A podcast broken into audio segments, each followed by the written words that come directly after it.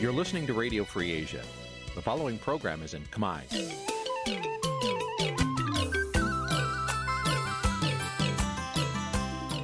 នេះជាកម្មវិធីផ្សាយ Vuthu Azizi Serai នេះជាកម្មវិធីផ្សាយរបស់ Vuthu Azizi Serai ជាភាសាខ្មែរ Vuthu Azizi Serai សូមស្វាគមន៍លោកអ្នកនាងទាំងអស់ពីរដ្ឋធានី Washington នៃសហរដ្ឋអាមេរិក ចាប់ពីរដ្ឋធានី Washington នាងខ្ញុំម៉ៅសុធានីសូមជម្រាបសួរលោកអ្នកស្ដាប់ទាំងអស់ជាទីមេត្រីចាយើងខ្ញុំសូមជូនការផ្សាយសម្រាប់ព្រឹកថ្ងៃសៅរ៍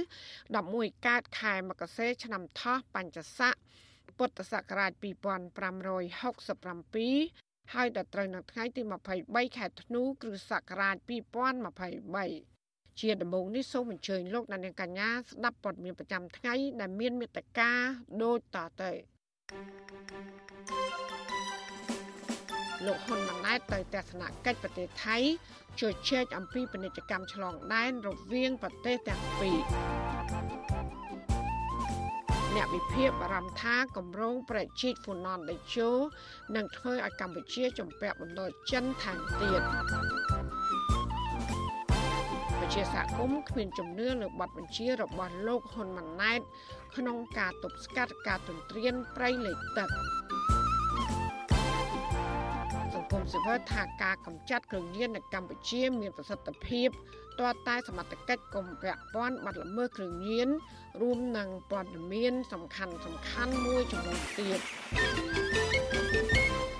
ចាជាបន្តទៅទៀតនេះនាងខ្ញុំម៉ៅសុធានីសូមជូនព័ត៌មានទាំងនោះពឺស្ដាប់ ចាលោកនាយកជាទីមេត្រីលោកនាយករដ្ឋមន្ត្រីហ៊ុនម៉ាណែត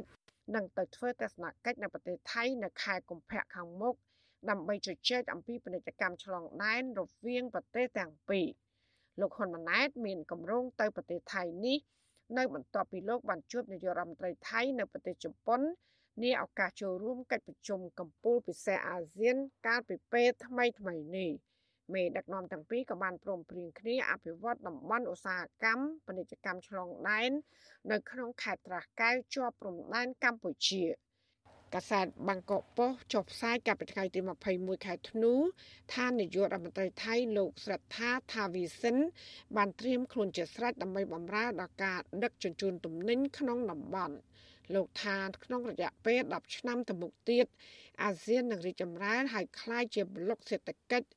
ដ៏សំខាន់បំផុតរបស់ពិភពលោក។លោកបន្ថែមថាទំនាក់ទំនងការទូតល្អរវាងកម្ពុជានិងថៃ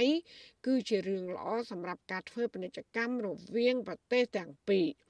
អតីតនាយករដ្ឋមន្ត្រីនៃប្រទេសទាំងពីរកាលពីឆ្នាំ2022ធ្លាប់បដិញ្ញាថាកម្ពុជានិងថៃ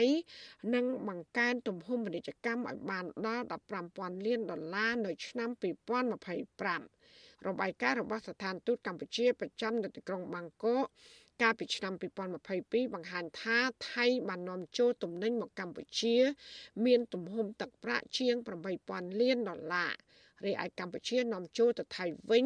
គឺមានទំហំទឹកប្រាក់ជាង1000លានដុល្លារ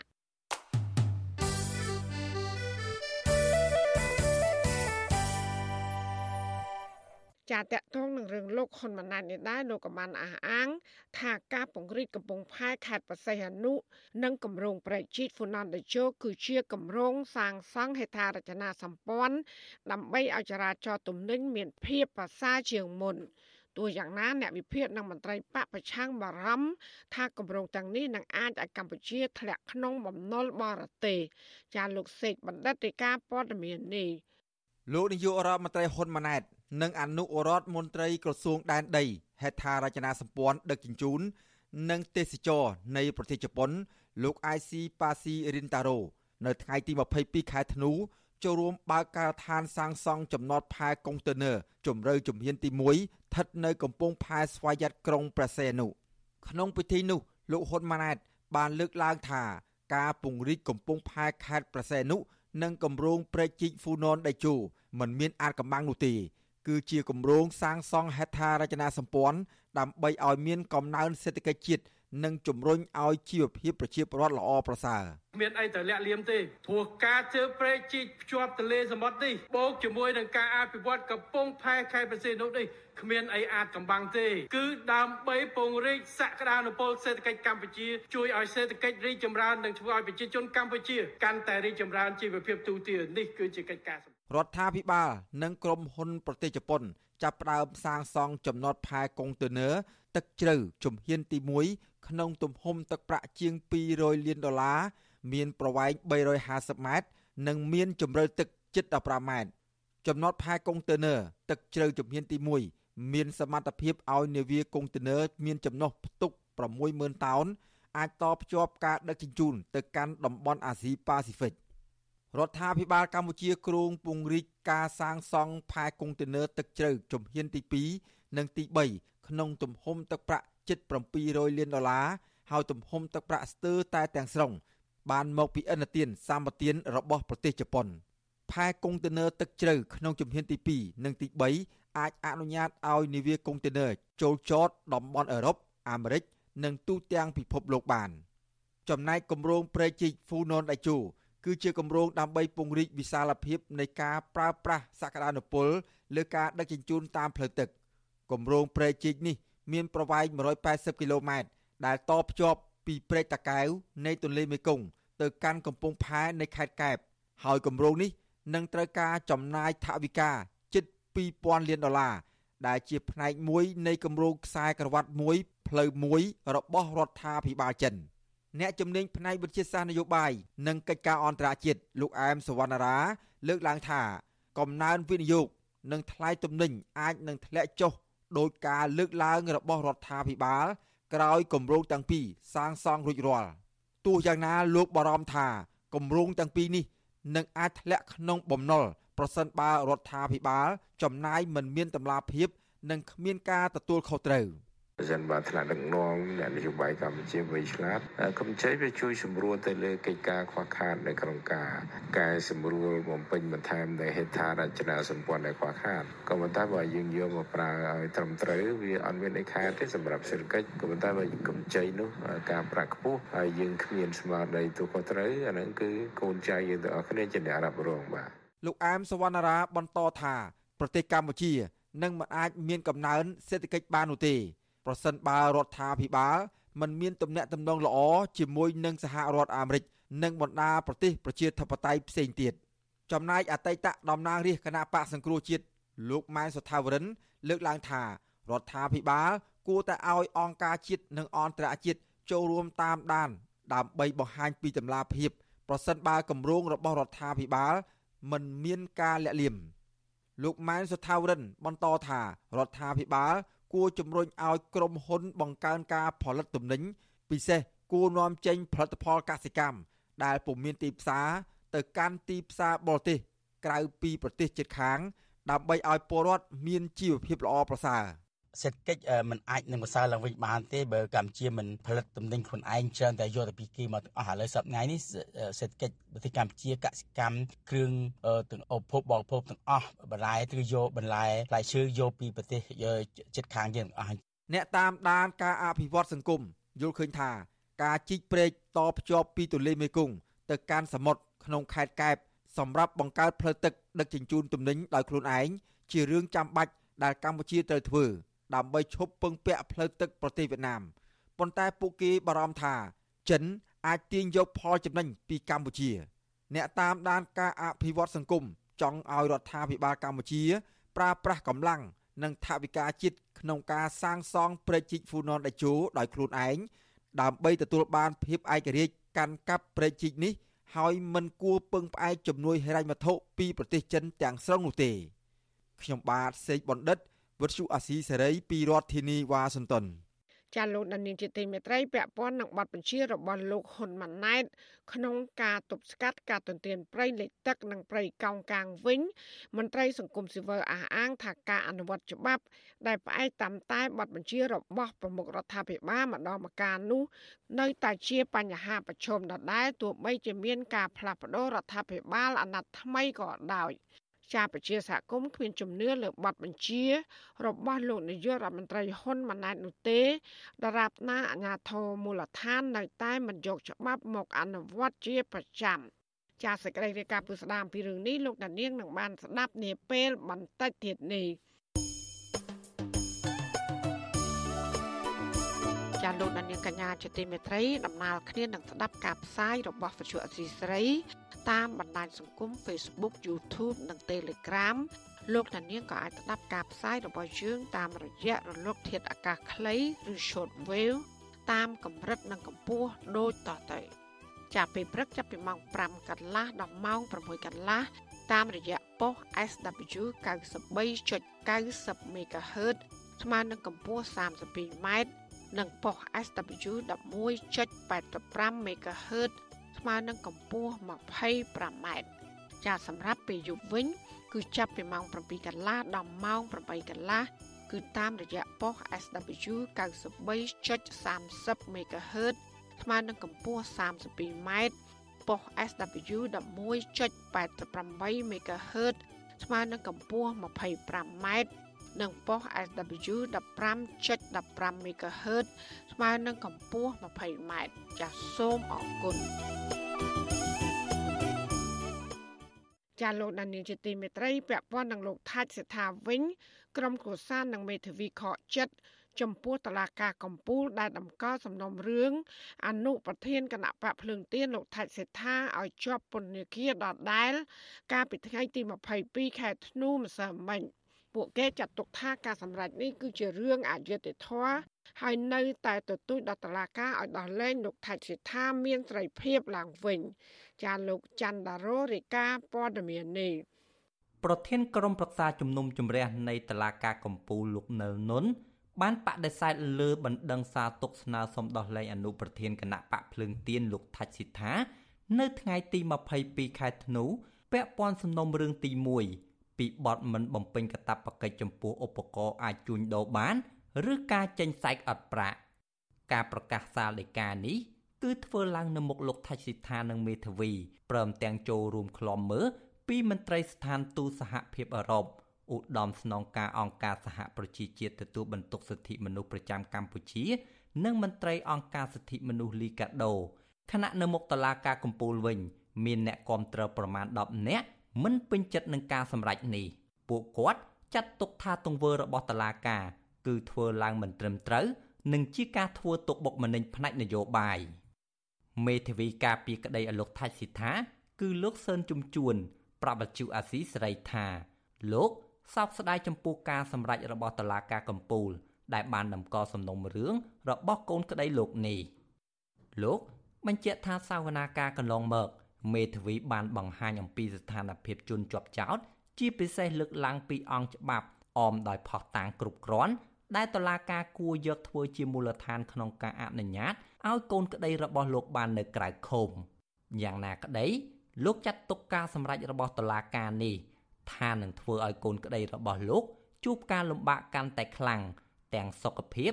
ជីវភាពគ្រួសារនិងការអនុវត្តសិទ្ធិនយោបាយជាដើម បើយើងសិក្សាទៅគាត់ថាគាត់មិនមានបានប្រព្រឹត្តដូចជាការចោតការលើកឡើងរបស់ដើមមិនដឹងទេអញ្ចឹងទៅអានោះជារឿងមួយដែល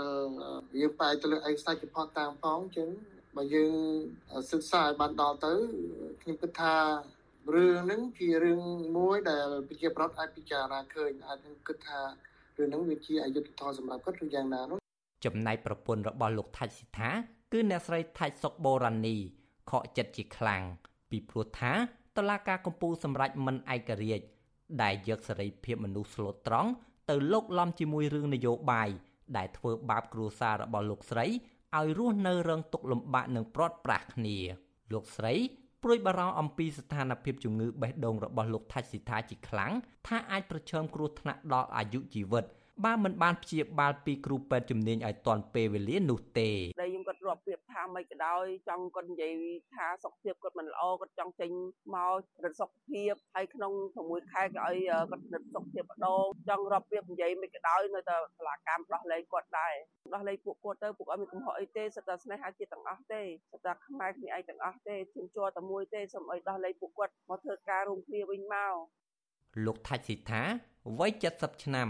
មានដើមកំណើតខ្មែរក្រោមហើយលោកជាប្រធានសមាគមខ្មែរកម្ពុជាក្រោមនិងជាអនុប្រធានគណៈបកភ្លើងទៀនលោកត្រូវបានអាជ្ញាធរក្រុងភ្នំពេញចាប់ខ្លួនកាលពីថ្ងៃទី16ខែមករាកាលពីខែកញ្ញាតុលាការក្រុងភ្នំពេញបានផ្តន្ទាទោសឲ្យលោកជាប់ពន្ធនាគារ18ខែក្នុងសំណុំរឿងទី1តាក់ទងចេញសាច់ស្អុយឬសាច់អត់ប្រាក់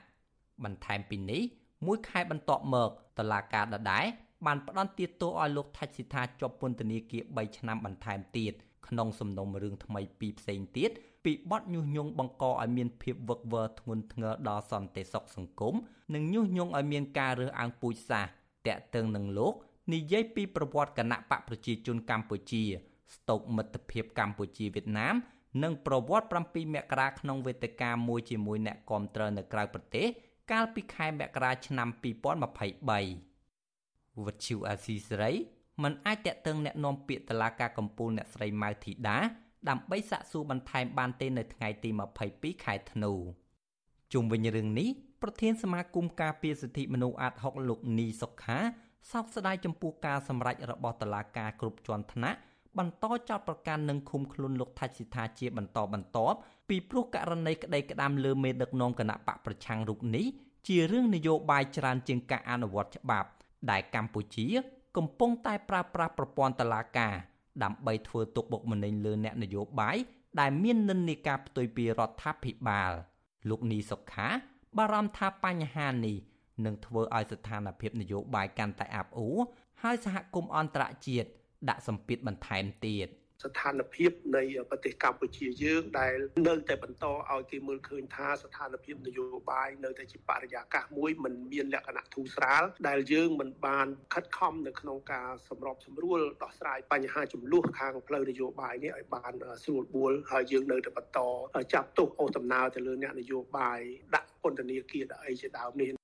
អង្គការសិទ្ធិមនុស្សជាតិនិងអន្តរជាតិមើលឃើញថា ក្រោមការដឹកនាំរបស់លោកនាយករដ្ឋមន្ត្រីហ៊ុនម៉ាណែតនៅតែគម្រាមកំហែងលើសកម្មជនបកប្រឆាំងកម្មជនបរិស្ថាន ការចាប់ខ្លួនអនុប្រធានគណៈបកភ្លើងទៀនគូលោកថាច់ស៊ីថាដាក់ពន្ធនាគារឥតស្រាកស្រាន ដែលការនេះលោកហ៊ុនម៉ាណែតដឹកនាំប្រទេសមិនខុសពីឪពុករបស់លោក គឺយកប្រព័ន្ធតឡាការធ្វើជាអាវុធដើម្បីកម្ចាត់សម្លេងប្រឆាំងពួកគេទទូចឲ្យរដ្ឋាភិបាលលោកហ៊ុនម៉ាណែត បញ្ឈប់ការធ្វើទុកបុកម្នេញគ្រប់ទម្រង់ជាបន្ទាន់និងអំពាវនាវឲ្យដោះលែងសកម្មជននយោបាយដោយឥតលក្ខខណ្ឌខ្ញុំបាទច័ន្ទដារោវុទ្ធុអាស៊ីសេរីចាលោកនានីជាទីមេត្រីនៅឯខេត្តកំពង់ធំឯនោះវិញកម្លាំងសមត្ថកិច្ចស្រុកកំពង់ស្វាយរារាំងប្រជាពលរដ្ឋមិនឲ្យធ្វើដំណើរទៅមុខសាលាខេត្តកំពង់ធំ ដើម្បីទាមទាររកដំណោះស្រាយរឿងធ្វើផ្លូវសាធារណៈ មន្ត្រីសង្គមស៊ីវិលលើកឡើងថាដើម្បីបង្កើនទំនុកចិត្តពីសំណាក់ប្រជាពលរដ្ឋអាជ្ញាធរគួរតែធ្វើផ្លូវសាធារណៈនិងលើកលែងការចោទប្រកាន់លើប្រជាពលរដ្ឋចាលោកសេកបណ្ឌិតមានសេចក្តីរាយការណ៍ដាច់ដライមួយទៀតជំវិញព័ត៌មាននេះប្រជាពលរដ្ឋភូមិឈូកភូមិនិពេជ្រកនិងភូមិនិពេជ្រខលើកឡើងថាបើសិនជាអាជ្ញាធរនៅតែមិនអន្តរាគមលើកលែងការចោទប្រកាន់ទៅលើប្រជាពលរដ្ឋ ត្រឹមថ្ងៃច័ន្ទទី25ខែធ្នូនោះទេ ពួកគេនឹងចេញតវ៉ាសារជាថ្មីម្ដងទៀតនៅសប្តាហ៍ក្រោយតំណាងប្រជាពលរដ្ឋចេញតវ៉ានឹងជាប្រពន្ធរបស់លោកលូតឡាញ់ដែលកំពុងជាប់ពន្ធនាគារនៅខេត្តកំពង់ធំដោយសារចំនួនដីផ្លូវគឺលោកស្រីឆែមសុខឿនប្រាប់បទសុអសីសេរីនៅថ្ងៃទី22ខែធ្នូថាបើទោះបីជាអភិបាលរងស្រុកកំពង់ស្វាយសន្យាថានឹងជួយរកដំណោះស្រាយឲ្យពលរដ្ឋក្តី តែក្រមប្រជាពលរដ្ឋមិនសូវមានក្តីរំពឹងទៅលើការសន្យារបស់អភិបាលស្រុកនោះឡើយខ្ញុំអត់ទាន់មានសង្ឃឹមប្រមាណទេបងប៉ិនគាត់ឲ្យថាឲ្យរឿងនឹងស្ងប់ស្ងាត់ទៅគាត់នឹងដោះស្រាយជូនគាត់និយាយចឹងហើយប្រជាពលរដ្ឋក៏ស្ម័គ្រចិត្តថានឹងស្ងប់ស្ងាត់ប៉ុន្តែប្រជាពលរដ្ឋគាត់ថាបើសិនតរឿងនឹងអត់ដោះស្រាយឲ្យគាត់គាត់នៅតែបន្តប៉ូលីសនិងកម្លាំងអាវុធហត្ថស្រុកកំពង់ស្វាយជិត20នាក់បានខាត់រថយន្តប្រជាពលរដ្ឋនៅភូមិដូនឈូក នៅចំណុចខាងមុខសាលាឃុំនិពេជ្រមិនអោយធ្វើដំណើរទៅសាលាខេត្តកំពង់ធំរកដំណោះស្រាយករណីម្ចាស់ដីមួយកន្លែងរំលោភយកដីផ្លូវសាធារណៈធ្វើជាកម្មសិទ្ធិផ្ទាល់ខ្លួន និងប្តឹងផ្ដាល់ចាប់ប្រជាពលរដ្ឋដាក់ពន្ធនាគារកម្លាំងសមត្ថកិច្ចបានលើកឡើងថាថ្នាក់លើមិនអនុញ្ញាតឲ្យពលរដ្ឋទៅតវ៉ានៅខាងមុខសាលាខេត្តកំពង់ធំឡើយព្រោះមន្ត្រីខេត្តកំពុងប្រជុំបូកសរុបការងារប្រចាំឆ្នាំ2023 និងបានឲ្យប្រជាពលរដ្ឋរងចាំមន្ត្រីស្រុកកំពង់ស្វាយមកដោះស្រាយជូនពលរដ្ឋទោះយ៉ាងណា មន្ត្រីស្រុកកំពង់ស្វាយមិនបានចេញមុខមកជួបប្រជាពលរដ្ឋភ្លាមៗនោះឡើយដោយទុកឲ្យប្រជាពលរដ្ឋរងចាំតាំងពីម៉ោង8ព្រឹករហូតដល់ម៉ោង11ថ្ងៃត្រង់លុះដល់ពេលក្រមប្រជាពលរដ្ឋនាំគ្នាជំនះឡើងទៅលើរថយន្តបន្តដំណើរទៅមុខសាលាខេត្តកំពង់ធំវិញ អភិបាលរងស្រុកកំពង់ស្វាយលោកឡាងសារ៉ូបានចេញមុខមកសម្របសម្រួលជាមួយនឹងប្រជាពលរដ្ឋក្រមប្រជាពលរដ្ឋបាននាំគ្នារួមផ្សាយទៅផ្ទះរៀងៗខ្លួនវិញ បន្ទាប់ពីលោកឡាងសារ៉ូបានសន្យាថានឹងជួយរកដំណោះស្រាយឲ្យពលរដ្ឋបានប្រើប្រាស់ផ្លូវធ្វើដំណើរដូចដើមនិងអន្តរាគមផ្នែកច្បាប់ចំពោះបទចោទទៅលើក្រមប្រជាពលរដ្ឋដែលបានឈូសឆាយដីធ្វើផ្លូវកាលពីថ្ងៃទី21ខែធ្នូប្រជាពលរដ្ឋធ្លាប់នាំគ្នាតវ៉ា ដាំបាយក្រាលកៅស៊ូដេកចាំមេឃុំនីពេជ្រនៅខាងមុខបរិវេណសាលាឃុំនីពេជ្រទាមទារឲ្យតុលាការដោះលែងលោកលោកឡាញ់ម្ដងរួចបង្ហើយពលរដ្ឋក៏ស្នើសុំឲ្យតុលាការទម្លាក់ចោលបទចោលប្រកាន់ទៅលើប្រជាពលរដ្ឋ4នាក់ដែលបានចូលរួមឈូសឆាយផ្លូវនៅឲ្យមេឃុំនីពេជ្រសម្របសម្រួលជាមួយម្ចាស់ដីគឺលោកស្រីសាន់ចម្ប៉ាដើម្បីឲ្យពលរដ្ឋមានផ្លូវធ្វើដំណើរបានដូចកាលពីមុនឆ្នាំ2018 ដែលមានទំហំប្រមាណ10ម៉ែត្រឡើងវិញទោះយ៉ាងណាមេឃុំនីពេជ្រស្រុកកំពង់ស្វាយលោកឆឹងញេបមិនអាចដោះស្រាយតាមការស្នើសុំរបស់ក្រមពលរដ្ឋបាននោះទេហើយលោកបែរជាលើកឡើងថាមុននឹងឈូសឆាយធ្វើផ្លូវពលរដ្ឋត្រូវតែសុំការអនុញ្ញាតពីលោកស្រីសាន់ចម្ប៉ាជាមុនសិនវិទ្យុអាស៊ីសេរីនៅពុំទាន់អាចតកតងអភិបាលរងស្រុកកំពង់ស្វាយលោកឡាងសារ៉ូ ដើម្បីសុំការបកស្រាយបន្ថែមជុំវិញរឿងនេះបាននៅឡើយទេនៅថ្ងៃទី22ខែធ្នូ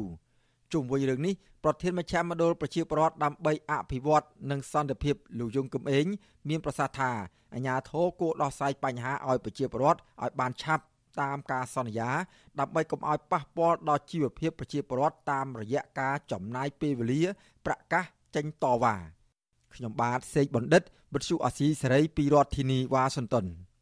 ចាលោកអ្នកស្ដាប់ជាទីមេត្រីនៅខេត្តបាត់ដំបងអាជីវករនៅផ្សារបាយដំរំក្នុងស្រុកបាណន់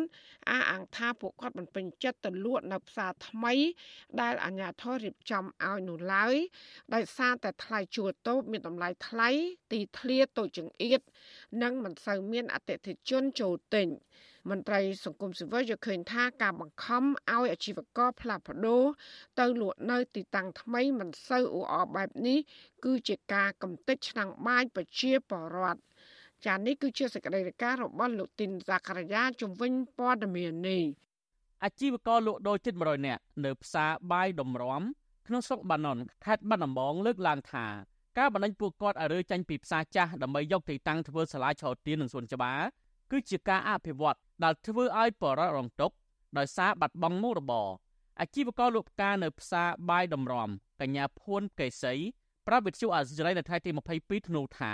ការផ្លាស់ប្ដូរទៅលក់ដូរនៅផ្សារថ្មីជួបការលំបាកច្រើនដោយសារតែគ្មានអ្នកទិញនិងត្រូវជួលតូបក្នុងតម្លៃថ្លៃដែលធ្វើឲ្យបរិវត្តលក់ដូរតូចតាចមិនអាចស៊ូទ្រាំបានកញ្ញាបន្តថាអាញាធរគួរតែទប់កន្លែងចាស់ឲ្យបរិវត្តរស់នៅនិងលក់ដូរតិចតួចចិញ្ចឹមជីវិត ជាជាងយកទៅធ្វើសាលាឆោទៀនចណ្ដើចុះស្ទឹង និងសួនច្បារដែលជារឿងមិនចាំបាច់និងមិនបានផ្ដល់ផលប្រយោជន៍ដល់ប្រជាពលរដ្ឋឡើយសម័យនេះមានណាគេទៅពឹងពាក់បំណែកអាស្រ័យទៅលើអាសាលាសនៈនឹងនឹងស្ពានចោះនឹងបានប្រមាណភាគរយបងហើយចំណូលដែលថាវិការបានពីសាលាសនៈពីការទេសចរជ្រឹងទេសចរសាលាសនៈទេសចរជាដើចុះហ្នឹងតើវាបានចិញ្ចឹមប្រជាជន ប្រមាណភាគរយថវិកាបានចូលវត្តប្រមាណភាគរយបើទុកទៅនឹងឲ្យប្រជាជនរស់នៅបានបនច្រើនណាបងអើយកាលពីថ្ងៃទី11ធ្នូរដ្ឋបាលស្រុកម៉ាណុនបានហៅអាជីវករលក់ដូរនៅផ្សារបាយដំរំមកប្រជុំដោយបង្ខំឲ្យពួកគាត់រុះរើតូបលក់ដូរចេញពីបរិវេណរបងវត្តបាយដំរំចាស់ក្នុងរយៈពេល20ថ្ងៃក៏ប៉ុន្តែនៅក្នុងអង្គប្រជុំនោះអភិបាលស្រុកបាណុនលោកស្រេងសុខា បានយកដៃទះតុកគម្រាមអាជីវករទាំងអស់មិនឲ្យតវ៉ាឬមានឱកាសលើកឡើងពីការលំបាកនោះឡើយអភិបាលស្រុករូបនេះបានចោទប្រកាសថាទន្ទ្រានយកដីចំណីផ្លូវស្ទឹងសង្កែសាងសង់ផ្ទះតូបលក់ដូរដែលបណ្ដាលឲ្យបាត់បង់សណ្ដាប់ធ្នាប់កកស្ទះចរាចរណ៍និងបំពុលបរិស្ថានក្នុងស្ទឹងលោកបន្តថាទីតាំងផ្សារតម្រំចាស់នេះនឹងត្រូវអភិវឌ្ឍធ្វើសួនច្បារសាលាឆោទៀន និងចណ្ដើរចុះស្ទឹងសម្រាប់បម្រើឲ្យភ្ញៀវទេសចរទៅទស្សនាសត្វជ្រឹងដែលមានសម្បុកលើដើមឈើក្បែរនោះទោះជាបែបនេះក្តីក្រុមអាជីវករបដិសេធចំពោះការចោទប្រកាន់របស់អភិបាលស្រុកពួកគេអះអាងថាផ្សារប្រពៃណីបាយតម្រំនេះក៏កើតឡើងតាំងពីឆ្នាំ1590មកម្លេះដោយសារមានអ្នកភូមិដែលបេះបន្លែនិងនេសាទត្រីយកមកលក់កាន់តែច្រើនប៉ុន្តែមិនបណ្ដាលឲ្យកកស្ទះចរាចរណ៍និងបំពុលបរិស្ថានស្ទឹងនោះទេ ចំណែកឯផ្ទះដែលសង់រំលោភយកដីស្ទឹងនោះគឺជាផ្ទះរបស់មេឃុំបាយតម្រំគឺលោកងងឆាន់លីប៉ុន្តែអាញាធរមិនដាល់ចាត់វិធានការអ្វីនោះឡើយអាជីវករលក់ខោអាវនៅផ្សារបាយតម្រំលោកស្រីសួសវិចិត្រអះអាងថាការបណ្ដេញអាជីវករមិនឲ្យលក់ដូរក្រមលេះអភិវឌ្ឍបែបនេះគឺជាការធ្វើបាបប្រជាពលរដ្ឋខ្លួនឯងតាមរយៈការបំផ្លាញការងារនិងមុខរបររបស់ពលរដ្ឋនៅក្នុងមូលដ្ឋាន ស្របពេលដែលលោកនិងអាជីវករផ្សេងទៀតកំពុងតែញោមញីដោយបញ្ហាបំណុលនិងវិបត្តិសេដ្ឋកិច្ចទៅហើយនោះគាត់អ្នកមកកជើពីកជើដូចវាថាគ្នាខ្លះគ្នាទៅចូលរួមដែរហ្នឹងខ្លះគ្នាបានត្រីពីស្រែមកគ្នាមកលក់គ្រាន់តែបានលុយឲ្យកូនរៀនកូនអីហ្នឹងតាមលបងវត្តចឹងទៅទៅលក់ស្ងាត់ទៀតផ្សារបាយតម្រំចាស់មានទីតាំងនៅមុខវត្តនិងក្បែររបងវត្តហើយមានដើមឈើដុះត្រឈឹងត្រជ័យដែលជាចម្រោកសត្វជ្រឹងរាប់ម៉ឺនក្បាល កាលពីមុន ធ្លាប់មានភ្ញៀវទេសចរទៅទស្សនាកំសាន្តដែលបានផ្ដល់ចំណូលតិចតួចដល់ពលរដ្ឋតែក្រោយពីមានវិបត្តិកូវីដប្រជាពលរដ្ឋបានផ្លាស់ប្ដូរពីការលក់ដូរបែបទេសចរមកលក់បន្លែត្រីសាច់សម្លៀកបំពាក់ដោយដាក់ក្រាលនឹងដីខ្លះមានតូបសង់ផុតពីដីនិងព្យួរតាមឆ័ត្រជាដើមអាជីវករលក់ដូរនៅផ្សារនេះតែពេលព្រឹកប៉ុណ្ណោះដោយរើទៅវិញនៅពេលថ្ងៃត្រង់វិទ្យុអាស៊ីសេរីមិនអាចតតងអភិបាលស្រុកបាណុន លោកស្រីសុខាដើម្បីសំសួរជំវិញនឹងបញ្ហានេះបានទេនៅថ្ងៃទី22ធ្នូចំណែកមេឃុំបាយដំរំលោកងងឆាន់លីប្រាប់វិទ្យុអសិរ័យថាមិនដឹងរឿងនេះទៅវិញជុំវិញនឹងរឿងនេះអ្នកសល់សម្រួលកម្មវិធីផ្នែកឃ្លាំមើលការរំលោភសិទ្ធិមនុស្សនៃអង្គការលីកាដូប្រចាំខេត្តបាត់ដំបងលោកអិនកុងចិត្តលើកឡើងថា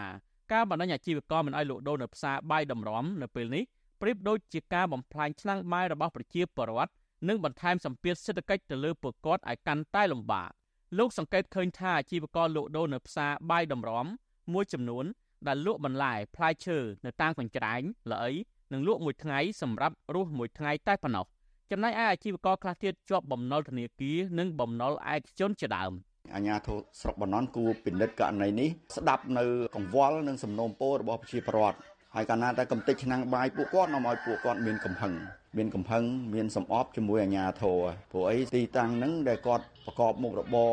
ការលក់ដូររបស់គាត់ជាលក្ខណៈប្រពៃណីអាជីវករលក់ដូរនៅផ្សារបាយតម្រំអំពីនីវឲ្យអាជ្ញាធរពិចារណាអភិវឌ្ឍផ្សារតម្រំចាស់ដោយគិតគូរពីទុកលំបាករបស់ពួកគាត់ជាជាងការបង្ខំឲ្យរុះរើតូបដែលធ្វើឲ្យពួកគាត់ធ្លាក់ទៅក្នុងភាពក្រីក្រនិងរងសម្ពាធសេដ្ឋកិច្ចកាន់តែខ្លាំងជាងនេះខ្ញុំបាទទីនសាការីយ៉ាអស៊ីសេរី ប្រធានាធិបតី Washington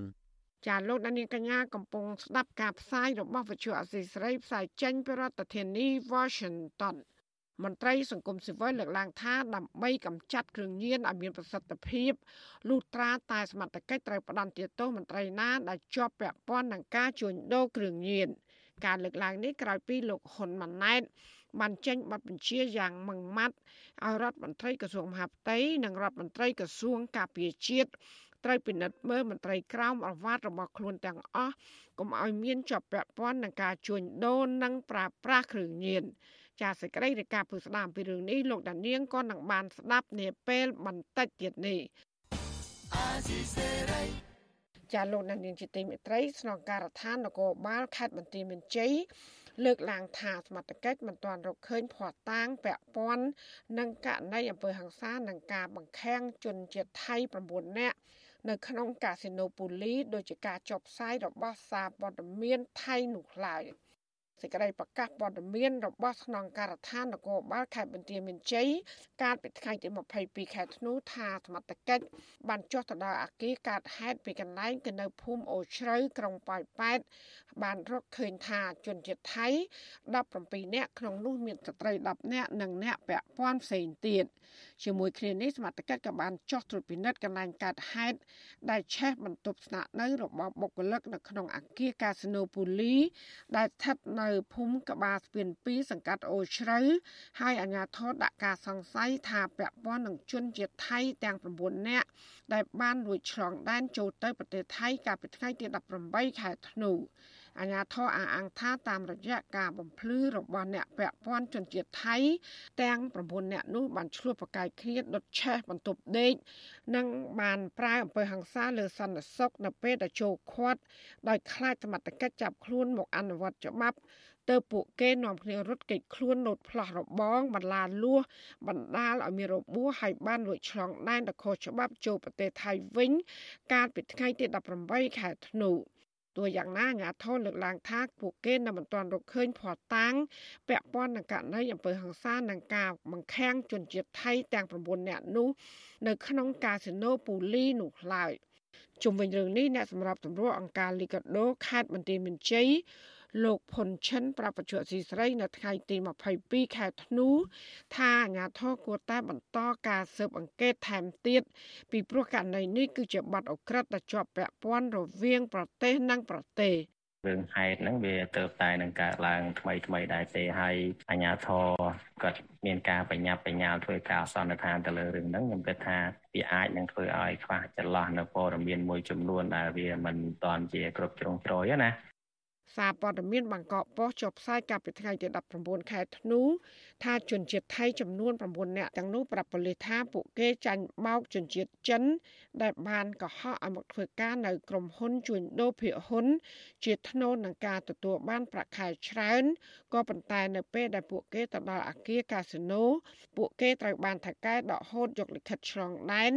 និងបង្ខំឲ្យធ្វើការជាអ្នកឆោបបោកតាមអនឡាញទៅវិញ។ អាញាធរថៃឲ្យដឹងថាជនរងគ្រោះបានរាយការណ៍ថានៅក្នុងអាគារកាស៊ីណូនោះគឺមានជនរងគ្រោះជាតិជាតិថៃប្រមាណ200នាក់ផ្សេងទៀត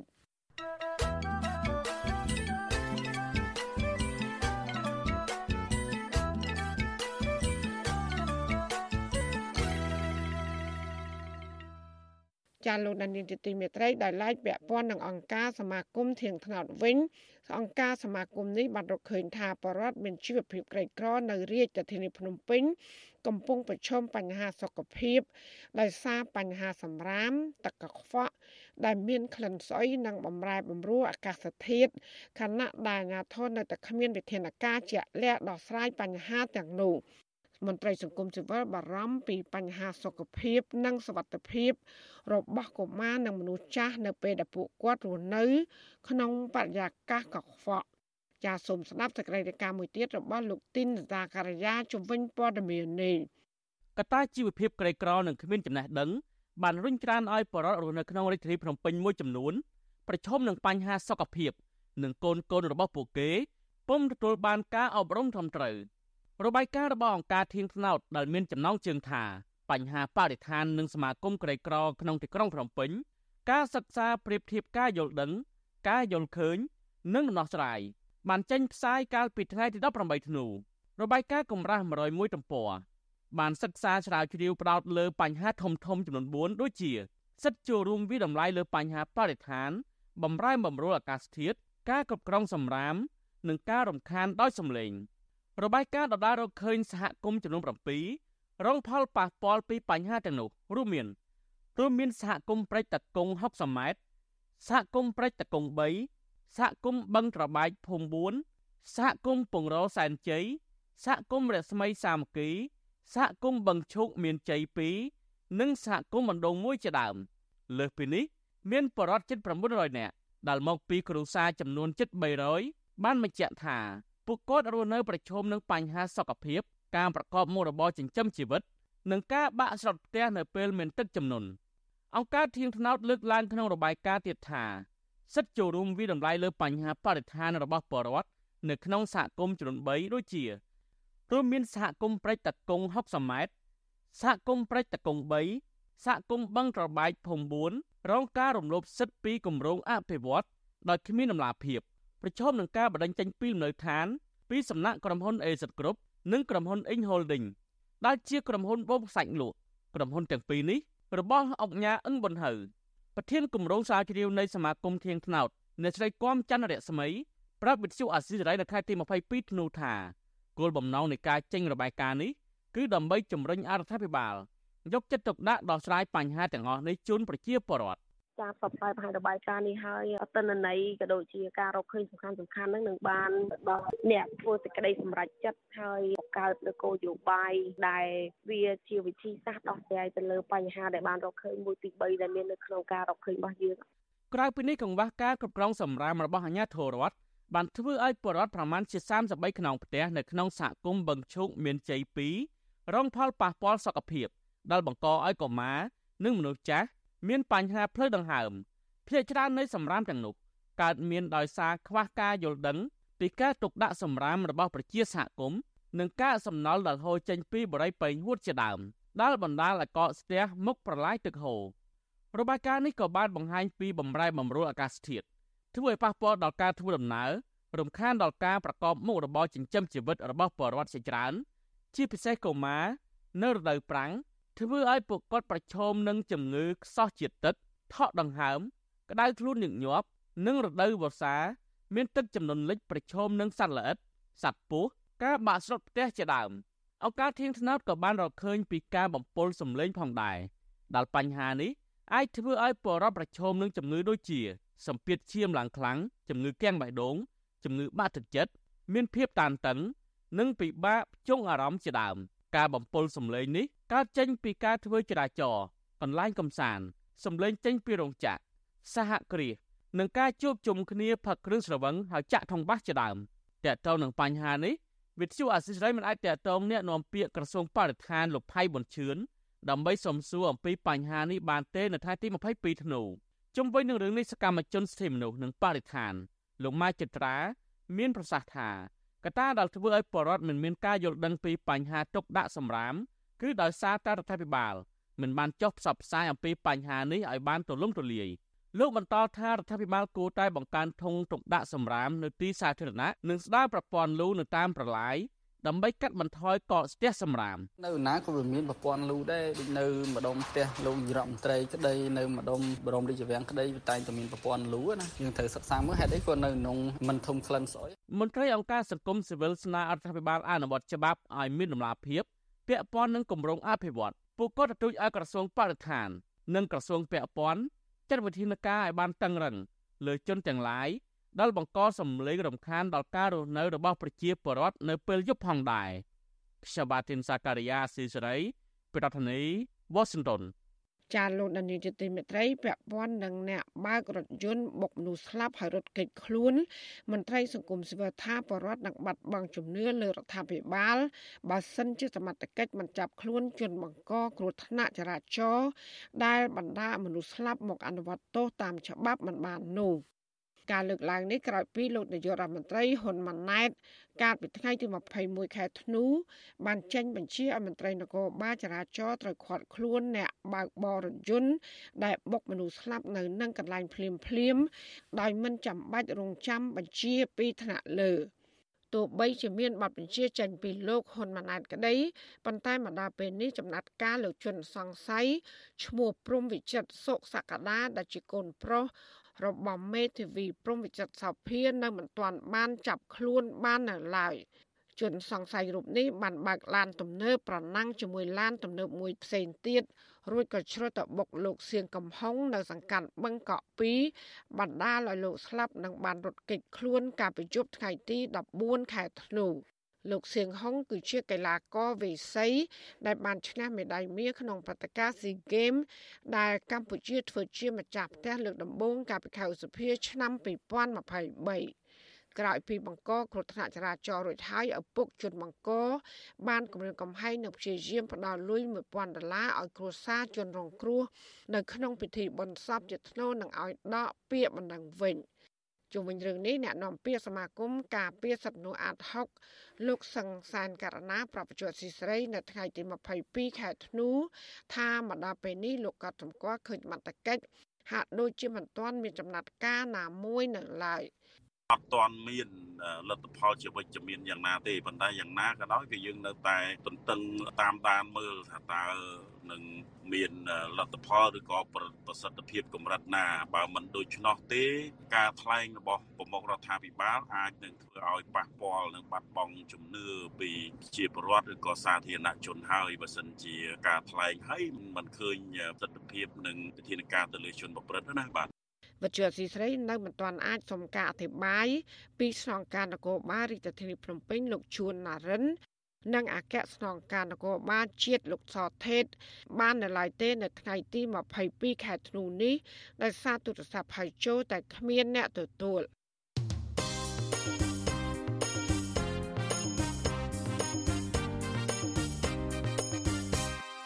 ចាលោកនានីជាទីមេត្រីដែលឡាយពាក់ព័ន្ធនឹងរដូវធ្វើប្រហុកវិញ ពជានេសាទមួយចំនួននៅតាមដងទន្លេសាប ក្នុងខណ្ឌរិស័យកែវរាជធានីភ្នំពេញត្អូញត្អែពីតម្លៃត្រីប្រហុកចុះថ្លៃបើធៀបទៅនឹងឆ្នាំមុនមុនចំណែកឲ្យឈ្មួញដែលធ្លាប់កំងទិញវិញក៏មានចំនួនថយចុះដែរដោយសារតែវិបត្តិសេដ្ឋកិច្ចចា៎នេះគឺជាសកម្មភាពរបស់លោកលេងម៉ាលីជំវិញព័ត៌មាននេះអស់រយៈពេលជាច្រើនឆ្នាំមកនេះប្រជានេសាទមួយចំនួននៅតាមដងទន្លេសាប តែងតែនិយមប្រកបរបររកត្រីបែបប្រពៃណីធ្វើជាត្រីប្រហុកផ្អកត្រីឆ្អើរឬទឹកត្រី សម្រាប់ទុកបរិភោគនិងយកទៅលក់ដោះស្រាយជីវភាពប៉ុន្តែឆ្នាំនេះខុសពីឆ្នាំមុនមុនទោះបីថាត្រីសម្បូរតែតម្លៃចុះថោកស្ទើរពាក់កណ្ដាលជនជាតិចាមរស់នៅផែឡូនេសាត្រីគីឡូលេខ9ខណ្ឌឫស្សីកែវលោកស្រីស្មានមីសំត្អូញត្អែអំពីការខ្វះអតិថិជនមកទិញត្រី។ ធូរថ្លៃយ៉ាងឆ្នាំមុនណាអូនឆ្នាំមុនត្រីវាយឲ្យ4000 4005មកត្រីអត់ទាន់វាយ2005តែឆ្នាំនេះត្រីវាយឲ្យ37 35ត្រីមិនទាន់វាយ18 15តាមកលៈទេសៈហ្នឹងអូនទី1ទី2ទៀតសេដ្ឋកិច្ចធ្លាក់ចុះដែលអញ្ចឹងទៅគ្នាអត់មានលុយអត់សូវមានអតិថិជនមកទិញទេឥឡូវអ្នកស្រែដែលធ្លាប់ធ្វើច្រើនច្រើនឥឡូវក៏ខ្សោយដែរទិញតែដូចថាមួយតោនអញ្ចឹងទៅបន្ថយមកនៅ500គីឡូអញ្ចឹង កាលពីថ្ងៃទី19ធ្នូរដ្ឋមន្ត្រីក្រសួងកសិកម្មលោកដិតទីណា បានអះអាងថាឆ្នាំនេះផលត្រីកើនឡើងជាងឆ្នាំមុនប្រមាណ5%ដោយសារតែបទល្មើសនេសាទធ្លាក់ចុះពាក់ព័ន្ធនឹងរឿងនេះពលរដ្ឋលើកឡើងថា ឆ្នាំនេះត្រីមានការកើនឡើងមែនប៉ុន្តែអាជ្ញាធរពាក់ព័ន្ធគួរតែជួយរកទីផ្សារឲ្យបានថ្លៃជាងនេះដើម្បីឲ្យពួកគាត់អាចបានចំណូលសមរម្យដោះស្រាយជីវភាព និងមានកម្លាំងចិត្តបន្តទៀត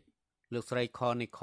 ជនជាតិចាមរស់នៅផែឡូនីសាត្រី គីឡូលេខ9ខណ្ឌឫស្សីកែវក៏ត្អូញអំពីការលក់ត្រីមិនសូវដាច់ដូចឆ្នាំមុនពីមុន ទៅលក់គួយរកគេធ្វើការអីបានណាព្រោះហ្នឹងក៏លក់ដាច់ដែរដល់ឥឡូវជាភាពឆ្នាំនេះដូចវាមិនមកទេធ្វើកើដូចមុនមុននេះមុនលក់ដាច់ណាមនុស្សមកច្រើនណាបងប្អូនអ្នកស្រែយើងជំនួសមកចាស់មកច្រើនណាហើយនេះឆ្នាំនេះអត់ទេឲ្យតែ4 5នាក់អី2 3នាក់អីហ្នឹងទៅម្លានមកពីហ្នឹងទៅវិញធ្វើឲ្យភ្លាមភ្លាមក៏ទៅវិញហើយទន្ទឹមគ្នានេះជនជាតិចាមរស់នៅផែឡូនេសាត្រីគីឡូលេខ9ខណ្ឌរិស័យកែវដែរលោកស្រីយ៉ាអាហ្វ្រីនីប្រាប់ថា ត្រីឆ្នាំនេះចុះថោកខ្លាំងមែនទែនបងប្អូនមកច្រើនគីឡូម៉ែត្រលេងព្រោះឥឡូវវា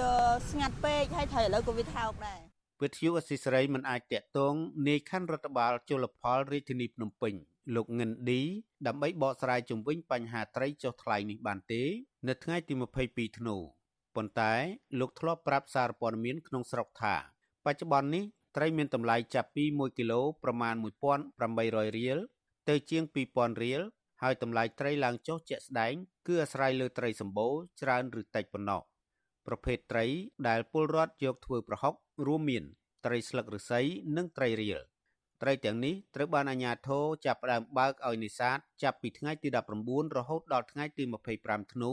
ដោយសារត្រីចាប់ផ្ដើមផ្លាស់ទីចេញពីបឹងទន្លេសាបបឹងស្ទឹងនិងព្រែកនានាចូលទន្លេមេគង្គនិងទន្លេបាសាក់ជារៀងរាល់ឆ្នាំ ការប្រមូលផលត្រីនេះ បានជួយដល់ជីវភាពពលរដ្ឋជាច្រើនផលត្រីដែលប្រមូលជាប្រភេទត្រីប្រហុកនៅឆ្នាំនេះមានប្រមាណ70%ជាប្រភេទត្រីស្លឹកឫស្សី10%ជាត្រីឆ្វៀតនិង20%ទៀតត្រីចម្រុះចំណែកតំបន់ដែលមានប្រភេទត្រីទាំងនេះច្រើនស្ថិតនៅភូមិសាស្ត្រស្រុកពញាលឺខេត្តកណ្ដាលនិងខណ្ឌឫស្សីកែវរាជធានីភ្នំពេញ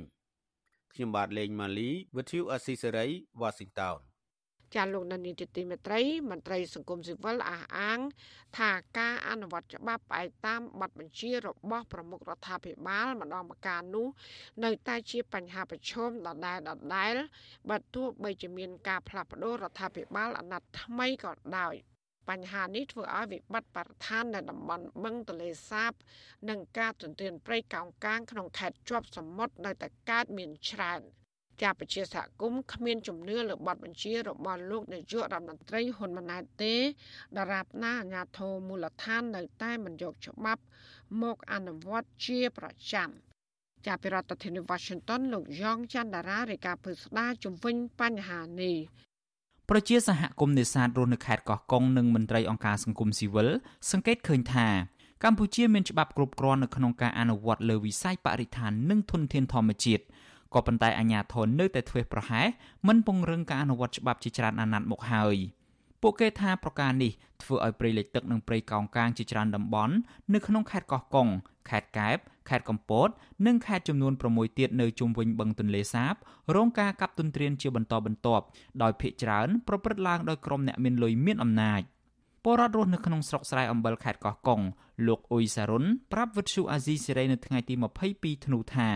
ព្រៃកោងកាងទំហំជិត100ហិកតាស្ថិតនៅព្រំជ្រោយស្វាយខាងលិចត្រូវបានគេលបកាប់ទន្ទ្រានធ្វើជាកម្មសិទ្ធិជាបន្តបន្ទាប់ហើយពួកលោករកឃើញភ័ស្តុតាង និងឯកសារច្បាស់លាស់រួចដាក់ពាក្យបណ្ដឹងទៅតុលាការក៏ប៉ុន្តែតុលាការបែរជាដំកល់រឿងឥតចាត់ការទៅវិញលោកបន្តថាករណីនេះហើយដែលបណ្ដាលឲ្យក្រុមជនល្មើសនៅតែបន្តប្រព្រឹត្តអំពើល្មើសច្បាប់ដដែល។ ជាពលរដ្ឋរាប់រយនាក់ហើយយើងជាពលរដ្ឋថាទាមទារព្រៃលិចទឹកកុំឲ្យបុគ្គលយកធ្វើជាកម្មសិទ្ធិតែយើងសាក់ប្តឹងដល់នេះដល់នោះហើយនៅមិនបានលទ្ធផលចឹងខ្ញុំអត់មានសង្ឃឹមអីទេអាហ្នឹងខ្ញុំនិយាយចឹងមានន័យថាខ្ញុំនិយាយនិយាយជំនុំពោះអ្នកលើមិនមែនមើងងាយអ្នកក្រមទេព្រោះអ្នកក្រមអត់ដោះស្រាយជូនប្រជាពលរដ្ឋកាលពីថ្ងៃទី21ខែធ្នូ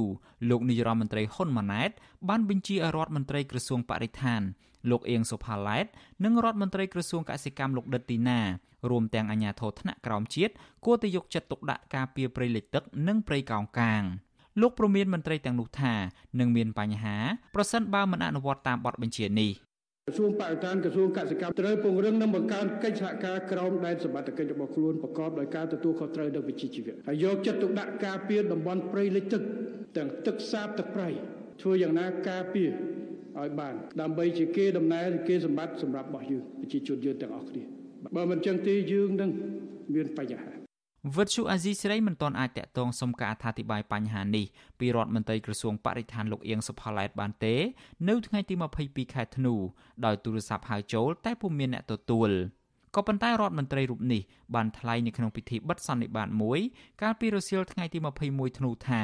ក្រសួងបរិស្ថានបានដាក់ចេញវិធានការមើងម៉ាត់នៅក្នុងការទប់ស្កាត់បទល្មើសធនធានធម្មជាតិដោយបញ្ចប់រាល់វប្បធម៌ចុះកិច្ចសន្យាដោះលែងអ្នកប្រព្រឹត្តបទល្មើសធនធានធម្មជាតិក្រសួងបានដាក់ចេញនៅវិធានការយ៉ាងមើងម៉ាត់បំផុតនោះគឺ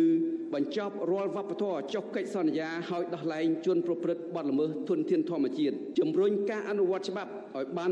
100%ដោយបន្តសហការជាមួយអាជ្ញាធរមូលដ្ឋាន បញ្ជាការដ្ឋានកងរាជអាវុធហត្ថលើផ្ទៃប្រទេសនិងអង្គភាពប្រឆាំងអំពើពុករលួយដើម្បីការពារធនធានធម្មជាតិរបស់យើងការព្រមានបង្ក្រាបការកាប់ព្រៃលិចទឹកនេះមិនមែនជារឿងថ្មីនោះទេកាលពីចុងឆ្នាំ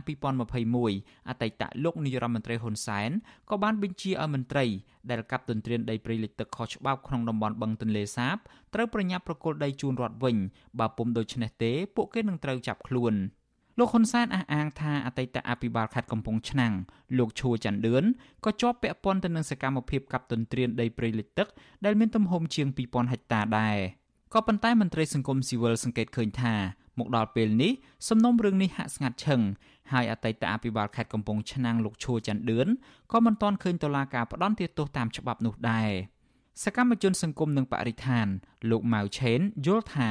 បទបញ្ជាថ្មីនេះនឹងមិនមានប្រសិទ្ធភាពនោះទេពីព្រោះការទន្ទ្រានព្រៃលិចទឹកភ ieck ច្រើនមានជាប់ពាក់ព័ន្ធទៅនឹងមន្ត្រីធំធំ និងបពពួកអ្នកមានអំណាចដែលធ្វើឲ្យមន្ត្រីថ្នាក់ក្រោមពិបាកនឹងដោះស្រាយ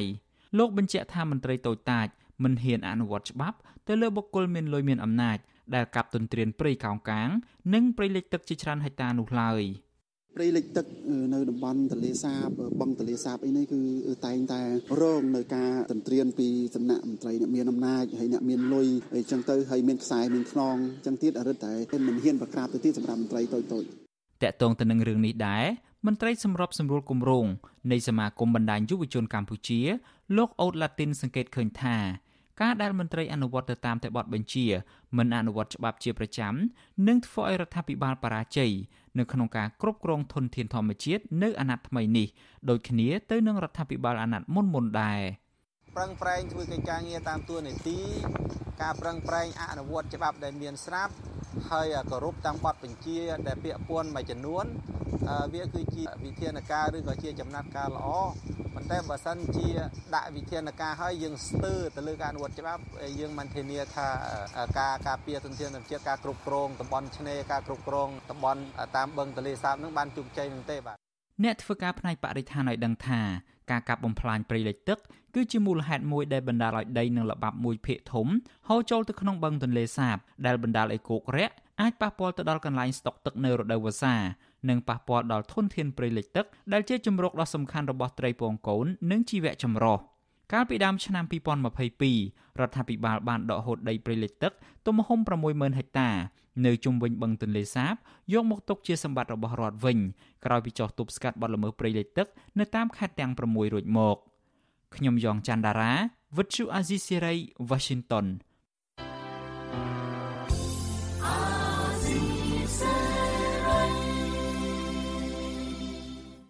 ចាលោកដានីជាទីមេត្រីអង្គការសង្គមស៊ីវិលលើកឡើងថា ដើម្បីកម្ចាត់គ្រឿងញៀនឲ្យមានប្រសិទ្ធភាព គឺត្រូវផ្ដោតជាចាំបាច់កុំឲ្យសមត្ថកិច្ចជាប់ពាក់ព័ន្ធនឹងការជួញដូរគ្រឿងញៀនហើយបើសិនជាមានមន្ត្រីសមត្ថកិច្ចរូបណាលោកឡំនិងបាត់ល្មើសគ្រឿងញៀននោះទោះបីជាមានឋានៈបណ្ណាត្រូវតែនាំខ្លួន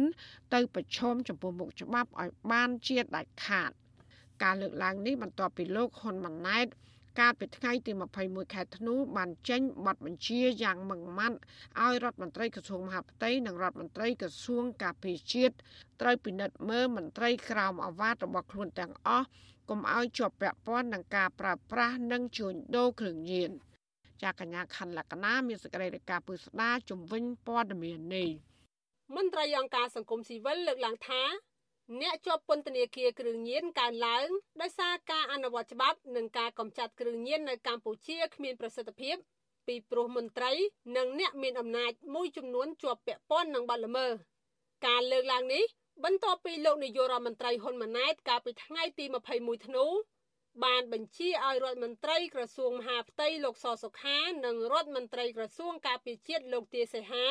ត្រូវបន្សុទ្ធកងកម្លាំងប្រដាប់អាវុធទាំងអស់កុំឲ្យពាក់ព័ន្ធនឹងប្រើប្រាស់គ្រឿងញៀនឥ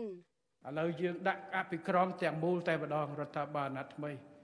គឺធ្វើចាប់ផ្ដើមពីកងកម្លាំងប្រដាប់អាវុធតែម្ដងអ្នកដែលប្រើប្រាស់គ្រឿងញៀនគឺត្រូវបណ្ដឹងចេញពីក្របខ័ណ្ឌភ្លាមបាទ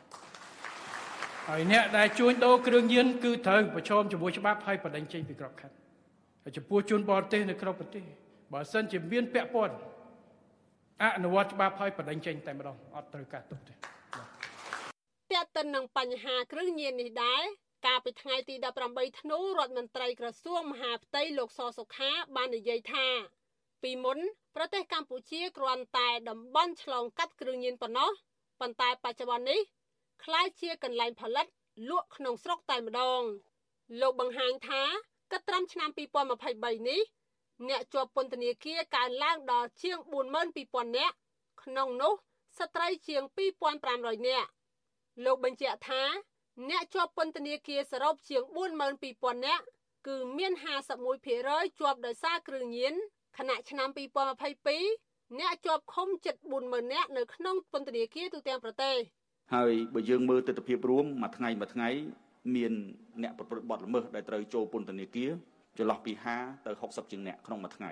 ហើយអ្នកចេញតិចទេជួនកាលថ្ងៃខ្លះចូលដល់100អ្នកក៏មានដែរប៉ុន្តែចេញបានទៅដល់10អ្នកទេអញ្ចឹងចូលច្រើនជាងចេញអញ្ចឹងខ្ញុំគិតថាពីនេះអាចឆ្នាំក្រោយអ្នកដែលជាប់ត្រូវពន្ធនាគារបើយើងអត់ធ្វើឲ្យសោះនឹងអាចឡើងដល់50000អ្នកចំនួននេះធំណាស់50000អ្នកហើយអ្នកទាំងអស់នេះមួយចំនួនចាញ់បោកគេមួយចំនួនជាអ្នកគេប្រើដើម្បីបន្តដៃក្នុងការលក់របស់ទាំងអស់នោះអតីតនាយករដ្ឋមន្ត្រីលោកហ៊ុនសែន បានដាក់ចេញយុទ្ធនាការទប់ស្កាត់និងបង្ក្រាបគ្រឿងញៀនចាប់តាំងពីឆ្នាំ2017មកប៉ុន្តែវិធានការនេះត្រូវបរាជ័យដោយបាត់ល្មើសគ្រឿងញៀននៅក្នុងប្រទេសកម្ពុជាមិនបានថយចុះឡើយផ្ទុយទៅវិញបែរជាបន្តកើនឡើងទ្វេដងពីមួយឆ្នាំទៅមួយឆ្នាំជុំវិញរឿងនេះប្រធានមជ្ឈមណ្ឌលប្រជាពលរដ្ឋដើម្បីអភិវឌ្ឍនិងសន្តិភាពលោកយ៉ងកំឯងប្រាប់វិទ្យុអាស៊ីសេរីនៅថ្ងៃទី21ធ្នូថា កំណើនបាត់ល្មើសគ្រឿងញៀននេះ បណ្ដាលមកពីការបង្ក្រាបគ្មានប្រសិទ្ធភាពពីព្រោះតែមានអំពើពុករលួយ និងខ្វះការរឹតបន្តឹងការអនុវត្តច្បាប់លើសមត្ថកិច្ចដើម្បីលាងជម្រះមន្ត្រីទាំងនោះកុំឲ្យជាប់បទល្មើសនិងបញ្ហាគ្រឿងញៀនជាដើមគឺដោយសារតែជាប់ពាក់ព័ន្ធជាមួយមន្ត្រីមួយចំនួនហ្នឹងហើយដែលធ្វើឲ្យការអនុវត្តច្បាប់ហ្នឹងវាអត់សូវមានប្រសិទ្ធភាពបាទដែលយើងឃើញហើយក្រសួងមហាផ្ទៃចាប់បាននៅមន្ត្រីមួយចំនួនដែល ជាប់ពាក់ព័ន្ធនឹងការជួញដូរគ្រឿងញៀនហ្នឹងដែរបាទហើយនឹងមន្ត្រីអាចនឹងមន្ត្រីដែលមានអំណាចមួយចំនួនទៀតដែលប្រើប្រាស់ទូនទីហើយនឹងអំណាចរបស់ខ្លួននឹងដើម្បីខុបខិតជាមួយនឹងអ្នកជួញដូរគ្រឿងញៀនបាទលោកយ៉ាងកំឯងថា ប្រតិបត្តិការបង្ក្រាបគ្រឿងញៀនរបស់សមត្ថកិច្ចมันបានធ្វើជាប់ជាប្រចាំគឺសកម្មតែមួយឆាវមួយឆាវនៅពេលណាដែលមានប័ណ្ណបញ្ជាតឹងរឹងពីថ្នាក់លើប៉ុណ្ណោះលើសពីនេះទៀត កំសោយក្នុងការតាមដានបង្ក្រាបមុខសញ្ញាជនបរទេសដែលធ្លាប់ពាក់ព័ន្ធគ្រឿងញៀនកុំឲ្យចូលប្រទេសកម្ពុជាអគ្គលេខាធិការនៃអគ្គលេខាធិការដ្ឋានអាជ្ញាធរជាតិប្រយុទ្ធប្រឆាំងគ្រឿងញៀនលោកមាសវិរិទ្ធប្រាប់សារព័ត៌មានក្នុងស្រុកកាលពីថ្ងៃទី21ធ្នូថាគិតចាប់តាំងពីខែមករាដល់ថ្ងៃទី19ធ្នូឆ្នាំ2023សមត្ថកិច្ចបង្ក្រាបបទល្មើសជិត8000ករណីដោយឃាត់ខ្លួនជនសង្ស័យជិត20000នាក់ ក្នុងនោះតឡាការចោតប្រកាន់ពាក់ព័ន្ធបទល្មើសជាង10000នាក់និងជាង9000នាក់បញ្ជូនទៅអប់រំនិងព្យាបាលលោកបញ្ជាក់ថាសមត្ថកិច្ចបង្ក្រាបបទល្មើសគ្រឿងញៀនករណីធំធំចំនួន11ករណីដោយឃាត់ខ្លួនមេខ្លោងចំនួន17នាក់ជាជនបរទេសនិងបពួកជាខ្សែបណ្ដាញចំនួន247នាក់ផងដែរលោកមាសវិរៈថា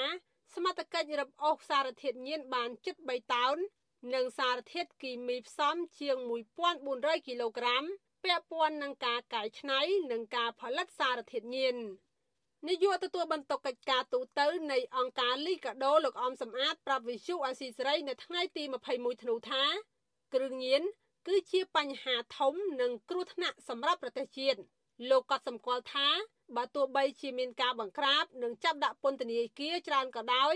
ក៏បាត់ល្មើសគ្រឿងញៀនមិនថយចុះដែរ គឺអ្នកជាប់ឃុំដោយសារគ្រឿងញៀនមានការកើនឡើងជាកំហុកដែលនាំឲ្យចង្អៀតណានក្នុងពន្ធនាគារលោកអំសមាថា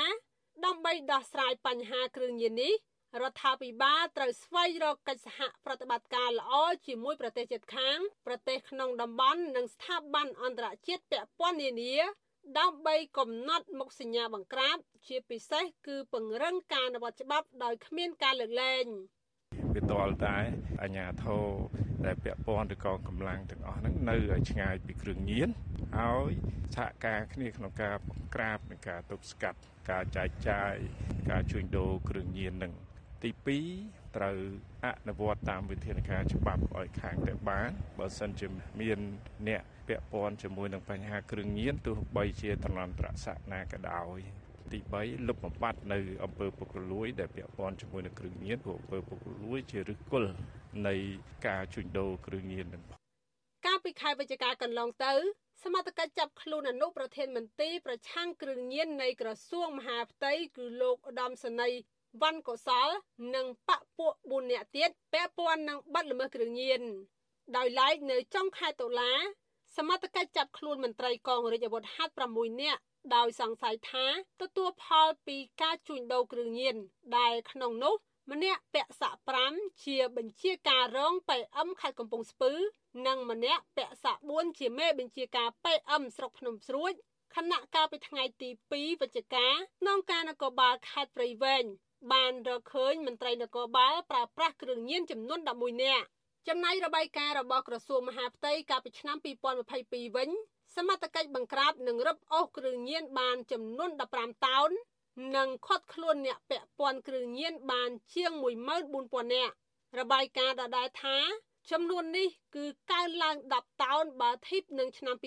2021គឺបង្ក្រាបបានតែ4តោនប៉ុណ្ណោះខ្ញុំខណ្ឌលក្ខណាវជុអាស៊ីសេរីចាលោកនានីជាទីមេត្រី ការផ្សាយរយៈពេល1ម៉ោងរបស់វជុអាស៊ីសេរី ជាភាសាខ្មែរនៅពេលនេះចប់តែប៉ុណ្ណេះចាយើងខ្ញុំសូមជូនពរដល់លោកនាងព្រមទាំងក្រុមគូសាទាំងអស់សូមជួបប្រកបតែនឹងសេចក្តីសុខសេចក្តីចម្រើនកុំបីឃ្លៀងឃ្លាតឡើយចានាងខ្ញុំម៉ៅសុធានីព្រមទាំងក្រុមការងារទាំងអស់នៃវិទ្យុអសីស្រីសូមអរគុណនិងសូមជម្រាបលា